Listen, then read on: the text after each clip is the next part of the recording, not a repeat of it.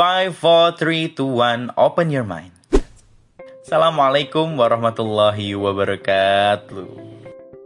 Selamat pagi buat teman-teman pendengar setiap Fosmi Islamic Podcast maupun teman-teman yang baru join bergabung mendengarkan podcast Fosmi Islamic Podcast teman-teman.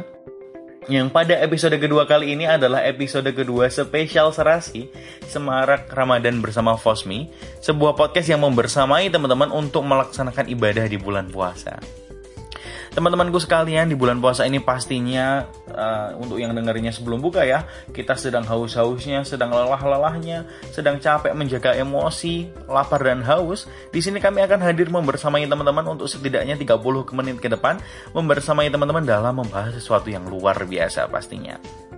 Pada pertemuan kali ini, kita akan membahas tentang sosok sahabat yang sangat luar biasa, teman-teman.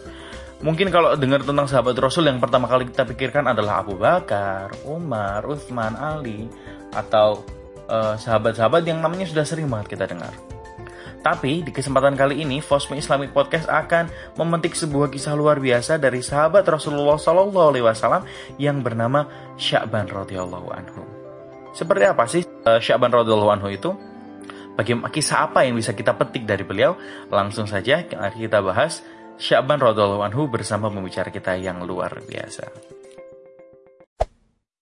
Baik teman-teman semuanya, seperti yang udah aku jelasin tadi, ya, pada pertemuan kali ini kita akan mengulas lebih jauh atau sedikit mempelajari tentang sahabat Rasulullah Wasallam yang bernama Sya'ban radhiyallahu anhu.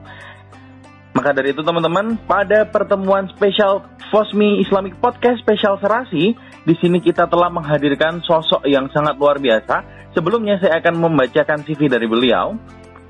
Beliau sejak riwayat SD hingga SMA selalu ada di sekolah Islam ya teman-teman. Dimulai dari SD Ikro Bekasi, SMP IT Darul, Darul Quran Mulia, SMA SP Baitul Quran Seragen, dan kali ini beliau sedang menempuh pendidikan ekonomi Islam di Universitas Diponegoro. Beberapa prestasi yang pernah beliau torehkan yang pertama adalah juara 3 MTQM Undip juara 3 Hifdil 10 Juz MTQM Undip, dan juara 2 IC Nasional Kopsimas. Dan saat ini beliau menjadi ketua Rohis Mizan FEB Undip tahun 2021. One and only sahabat sebaik saya, Muhammad Fahri Fadila. Assalamualaikum Fahri. Waalaikumsalam warahmatullahi wabarakatuh, Mas Yus. Alhamdulillah Fahri, gimana kabarnya? Alhamdulillah, baik Mas. Kabarnya Mas gimana nih? Alhamdulillah kurang lebih sangat baik apalagi kita di bulan Ramadan ya uh, sedang semangat semangatnya gitu kita memperbanyak ibadah terutama di bulan Ramadan gitu Mas Fahri. Baik Mas Fahri, uh, seperti yang udah kita bahas tadi bersama teman-teman di awal, kita di sini akan mengulas lebih lanjut tentang sahabat yang bernama Syaban radhiyallahu anhu. Itu kan pasti banyak banget ya dari teman-teman di sini yang jarang mendengarkan uh, nama beliau gitu. Pada saat uh, kita makan mendiskusikan tentang ini, apa yang pertama kali Mas Fahri pikirkan tentang beliau gitu? Kalau aku berbicara tentang Sya'ban radhiyallahu anhu ya. Ya. Yeah. Jadi Sya'ban Sya'ban radhiyallahu anhu ini adalah salah satu sosok sahabat Rasulullah alaihi wasallam yang nggak pernah puas dalam beramal. Sya'ban radhiyallahu Sya'ban radhiyallahu anhu adalah sahabat Rasulullah yang tidak pernah berpuas dalam beramal. Masya Allah ya. sekali. Pastinya teman-teman semua udah gak sabar ya untuk mendiskusikan atau berdiskusi tentang Sya'ban radhiyallahu anhu maka langsung aja Mas Fahri, mungkin Mas Fahri bisa cerita sedikit nih tentang bagaimana riwayat hidup dari sahabat Rasul Syaban radhiyallahu anhu. Monggo Mas Fahri, saya persilakan. Ya, uh, teman-teman yang rahmat Allah Subhanahu wa taala ya. Oke, pada kali ini kita akan berbicara tentang Syaban radhiyallahu anhu ya. Jadi teman-teman uh, ada seorang sahabat Rasul sallallahu alaihi wasallam bernama Syaban radhiyallahu anhu ya. Syaban radhiyallahu anhu adalah makmum tetap Rasul sallallahu alaihi wasallam ketika sholat subuh dan dia selalu posisinya di saf satu paling kanan gitu. Jadi ketika Rasulullah SAW sedang mengimami, lalu posisi tahiyat akhir, Assalamualaikum warahmatullah ketika Rasulullah SAW yang kanan, yang pasti ia lihat saf satu paling ujung kanan adalah Sya'ban radhiyallahu anhu. Berkali-kali, berbulan-bulan, sampai sekian tahun lamanya Sya'ban radhiyallahu anhu selalu di saf satu dan paling kanan gitu. Dibuktikan dengan Rasulullah SAW ketika tahiyat akhir ya, ketika mengucapkan salam dia selalu melihat ke kanannya dan melihat Sya'ban radhiyallahu anhu di paling kanan di soft satu gitu. Sampai suatu ketika ya, Sya'ban radhiyallahu anhu ini pada suatu pagi, pada suatu subuh, Rasulullah Shallallahu ketika tahiyat akhir tidak mendapati Sya'ban radhiyallahu anhu ini ketika Rasulullah Shallallahu Alaihi menengok kanan tahiyat akhir, tapi dia tidak menjumpai Sya'ban radhiyallahu anhu di saf satu paling kanan. Oh, Kontak Rasulullah Alaihi Wasallam heran gitu loh, Mas Yus. Iya iya. Kenapa uh, kenapa Sya'ban radhiyallahu anhu tidak ada di saf paling kanan pada pada pagi hari itu? pada sholat kali itu. Nah, sontak para para sahabat bertanya yang biasanya Sya'ban radhiyallahu anhu di, di top satu paling kanan tuh kok nggak ada ya? Rasulullah alaihi wasallam langsung bertanya pada sahabatku. Pada sahabatku, wahai para sahabatku, di mana Sya'ban radhiyallahu anhu yang senantiasa di saf satu paling kanan? Kenapa di pagi hari ini dia tidak ada di saf paling kanan? Para sahabat pun ketika ditanya oleh Rasulullah alaihi wasallam nggak tahu sama sekali masih itu. Hmm, Terus terus Mas Fahri apa yang terjadi? Apa yang terjadi setelah itu? Nah, sontak dengan keadaan yang tidak ada tahu sama sekali keadaan Sya'ban radhiyallahu anhu, Rasulullah alaihi wasallam memutuskan dengan para sahabatnya untuk mendatangi rumah Sya'ban radhiyallahu anhu. Tahu nggak Mas Yus? Ya. Yeah. Jika Rasulullah alaihi wasallam dan para sahabatnya itu berkeinginan untuk mendatangi rumah Sya'ban radhiyallahu anhu, sahabat sahabat Nabi Muhammad SAW dan Rasulullah SAW itu OTW nih dari masjidnya setelah subuh. Jadi OTW sahabat Rasulullah SAW dengan uh, Rasulullah SAW itu setelah habis subuh dan baru nyampe di rumah Sya'ban radhiyallahu anhu itu menjelang zuhur. Jadi bayangin aja, jauh Allah. Rumahnya Sya'ban radhiyallahu anhu gitu. OTW-nya habis subuh nih, Rasul sama para sahabatnya. OTW ke rumah Sya'ban radhiyallahu anhu habis subuh tapi nyampainya menjelang zuhur. Kira-kira berarti jauh banget dari rumah Syaban radhiyallahu anhu ya. Dan selama ini Syaban radhiyallahu anhu nggak pernah telat untuk sholat subuh dan dapat saf satu gitu ya. Telat dan saf satu paling kanan terus gitu loh. Masya Allah. Makanya ketika ada sampai menjelang zuhur, langsung Rasulullah SAW mengatuk pintunya, lalu keluar istrinya. Ketika lalu ketika istri menjumpai Rasulullah SAW dan para sahabatnya, istri pun menangis dan berkata, wahai Rasulullah Syakban ya Allah, Syakban ya Rasulullah Syakban gitu. Dan ketika di oleh, oleh kabarnya ternyata Syakban radhiyallahu anhu ini sudah wafat ketika pagi pada pagi hari setelah tahajud itu. Jadi mampu melaksanakan sholat subuh. Gitu. Jadi tapi ada satu pesan yang disampaikan oleh istrinya Syakban radhiyallahu anhu kepada para sahabat yang Rasul dan Rasulullah alaihi wasallam. Istrinya berkata kepada Rasul, Ya Rasulullah, ketika sakaratul maut tadi habis tahajud, Sya'ban radhiyallahu anhu itu meriak, meneriakkan tiga perkataan. Tahu nggak Mas Yus? Apa, apa tiga itu? perkataan itu Mas Fari? Apa yang Sya'ban radhiyallahu anhu teriakkan ketika sakaratul maut? Pertama, dia berteriak sangat keras, kurang jauh. Kurang jauh, kurang jauh. Ketika sakaratul maut, dia meriakkan kata pertama, kurang jauh. Kenapa kira-kira seorang Syaban radhiallahu anhu di tengah-tengah beliau sedang sakaratul maut berteriak kurang jauh malahan? Apakah ada uh, alasan apa kira-kira yang menyebabkan Syaban radhiallahu anhu mengatakan hal seperti itu? Iya, jadi istrinya pun tidak mengetahui kenapa Syaban radhiallahu anhu mereka kata kurang jauh. Lalu dia tanya kepada Rasulullah, wahai Rasulullah, kenapa Syaban radhiallahu mereka kata kurang jauh? Ketika melihat tadi para sahabatnya dan Rasulullah SAW OTW dari masjid nih, habis subuh nyampe nya sampai sebelum zuhur itu kan saking jauhnya dan Syabar radhiyallahu anhu itu merasa itu kurang jauh. Masya Allah. radhiyallahu anhu merasa apa yang dia lakukan selama ini ya kan, kan OTW ke masjid itu pasti mendapat pahala yang banyak ya maksudnya. Iya, yeah, Dia akan mendapatkan pahala di Ganjar sejauh apa yang ia tempuh perjalanan menuju masjid. Dan dia merasa itu kurang jauh dan dia menyesal kenapa rumah saya tidak lebih jauh lagi. Biar saya OTW ke sholat subuhnya lebih jauh dan pahala saya lebih banyak. Masya Allah, Sya'ban radhiyallahu anhu. Sampai ber, sampai akhir hayatnya beliau malah bukannya ingin lebih mendekatkan rumahnya ke masjid, malah ingin lebih jauh biar amalannya lebih banyak gitu ya masnya. Iya Yus. Nah, makanya uh, udah rumah sejauh itu bayangin tadi para sahabatnya, para sahabat Rasulullah SAW dan Rasulullah SAW hotel di habis subuh, nyampe yang sebelum zuhur aja jauh banget ya. Dan Sya'ban radhiyallahu anhu itu merasa itu kurang jauh dan dia menyesal ketika saat mautnya lalu dia terakan dia lalu dia teriakan kan kurang jauh kurang jauh gitu. Ya radhiyallahu anhu dia, dia teriak seperti itu. Lalu kita lanjut ke teriakan kedua. Istri pun berkata kepada Rasulullah ya Rasulullah. Lalu pada teriakan kedua Syaban radhiyallahu berkata kurang banyak gitu. Jadi setelah kurang jauh kurang jauh Sya'ban radhiyallahu meneriakan kurang banyak, kurang, banyak, kurang banyak. Kenapa? Uh, kalau kurang jauh tadi jelas karena jarak rumahnya dengan masjid sangat jauh hingga uh, teman-teman uh, sahabat-sahabat Rasulullah yang ingin mengunjungi beliau berangkat sejak habis subuh dan sampai ke rumah beliau me, uh, sebelum sholat duhur seperti itu. Itu kan menunjukkan sangat jauh. Tapi kalau kurang banyak nih Mas Fari, kira-kira kenapa? Kenapa uh, Syaban radhiyallahu anhu berkata kurang banyak? Jadi ketika ketika Syaban radhiyallahu meneriakan kurang banyak, itu berarti penyesalan dia atas yang ia lakukan kurang banyak. Maksudnya apa? Jadi istri pun berkata, jadi wahai Rasulullah Shallallahu Alaihi Wasallam dan para sahabat Rasul bahwa sesungguhnya Sya'ban radhiyallahu anhu ketika pengen OTW saat subuh nih, dia senantiasa membawa hartanya yang sangat banyak dan dia ketika kembali dari masjid dan dan arah ke rumahnya lagi, hartanya yang dia bawa sudah ia sedekahkan semuanya. Masya Allah. Jadi selama perjalanan ke masjid itu Mas Fari? Iya perjalanan ke masjid. Di pagi-pagi buta? Pagi-pagi buta. Masya dia Allah dan kembali dengan tangan kosong.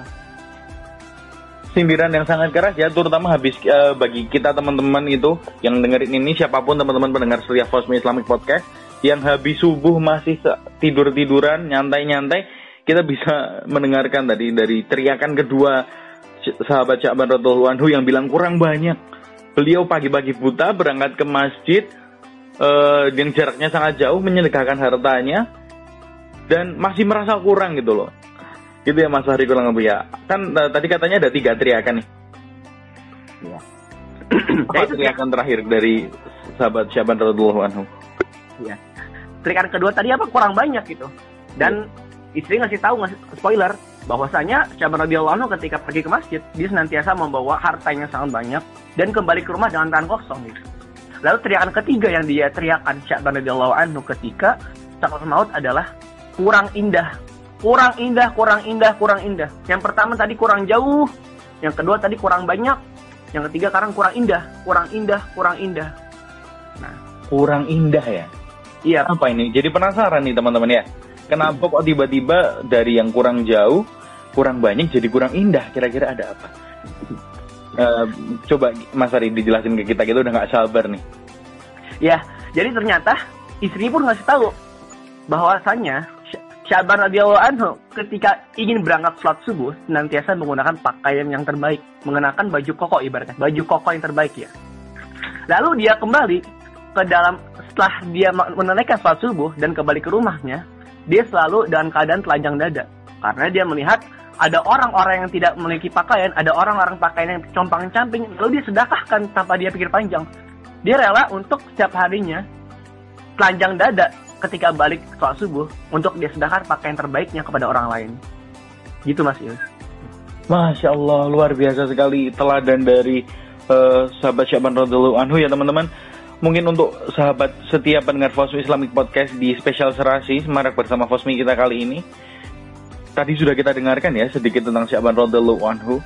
Uh, beliau adalah sosok yang luar biasa, luar biasa inspiratif uh, ya Mas Fahri. Mungkin bisa yeah. highlight beliau adalah orang yang selalu sholat subuh di sisi kanan setiap pagi dan beliau jarak rumahnya jika ditempuh perjalanan adalah uh, dimulai dari sholat subuh dan sebelum duhur baru sampai ke depan rumahnya pada saat sahabat mau menjenguk tadi. Benar ya Mas Arya? Iya benar sekali. Kisah yang sungguh inspiratif. Mungkin Mas Ari bisa nggak sih uh, memberikan insight juga buat teman-teman pendengar kita ya, teladan yang sudah kita petik dari sahabat Syaban radhiallahu anhu gitu. Iya, kalau kita berbicara tentang hal yang penting ya, sahabat Sya'ban radhiyallahu anhu, ya tentunya di kisah ini kita dituntut sebagai orang-orang yang al-mutahammisin, orang-orang yang bersemangat dan orang-orang yang nggak pernah puas dalam beramal. Merasa sesal karena apa yang ketika saat maut nanti yang ia sesali, yang kita akan sesali adalah sesuatu yang menurut kita belum totalitas, sesuatu yang masih ada pengecewan buat kita. Kayak bagaimana Rasulullah SAW ketika saat maut, dia mengucapkan apa? Ummati, ummati, gitu karena dia Rasulullah SAW mengkhawatirkan umatnya gitu. Begitupun juga Sya'ban radhiyallahu anhu. Dia mengkhawatirkan amalan-amalan tadi yang kurang sempurna pada rumahnya sudah sangat jauh, harta yang keluarkan sangat banyak, pakaian yang indah-indah sudah habis disedekahkan. Dan dia merasa itu dia belum puas sama sekali dan beramal. Makanya kita harus menjadi orang-orang al-mutahamisin, orang-orang yang bersemangat dan menuntaskan segala amal-amal yang Allah Subhanahu wa taala berikan gitu. Wah, luar biasa ya uh, teman-teman itu mungkin adalah hal yang bisa kita petik dari sahabat Syaban radhiallahu anhu. Uh, sangat menginspirasi sekali terutama di Ramadan kali ini yang seharusnya ya di bulan penuh berkah bulan suci ini kita selalu memaksimalkan ibadah kita lebih daripada biasanya.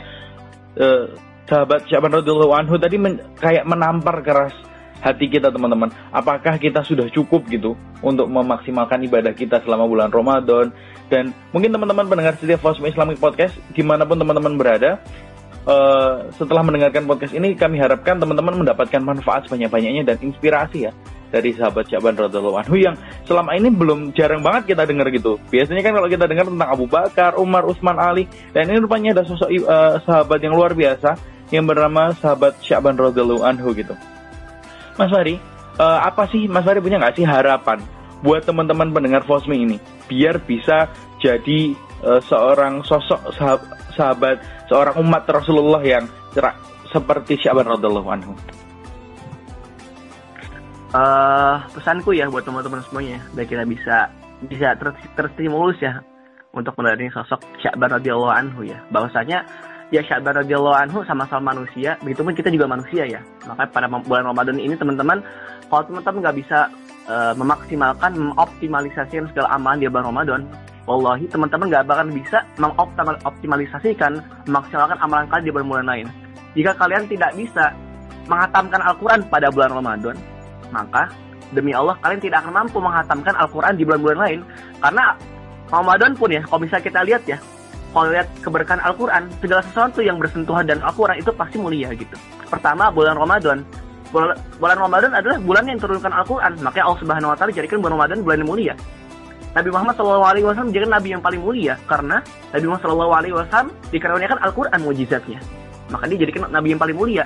Begitupun malam Lailatul Qadar malam Lailatul Qadar adalah malam yang paling mulia, malam yang lebih baik daripada seribu bulan karena diturunkannya Al-Quran. Begitupun orang-orang yang baca Quran, orang-orang yang bersentuhan dengan Al-Quran, orang-orang yang berinteraksi dengan Al-Quran pada bulan Ramadan ini tentunya akan menjadi orang yang sangat mulia karena nantiasa bersentuhan dengan Al-Quran.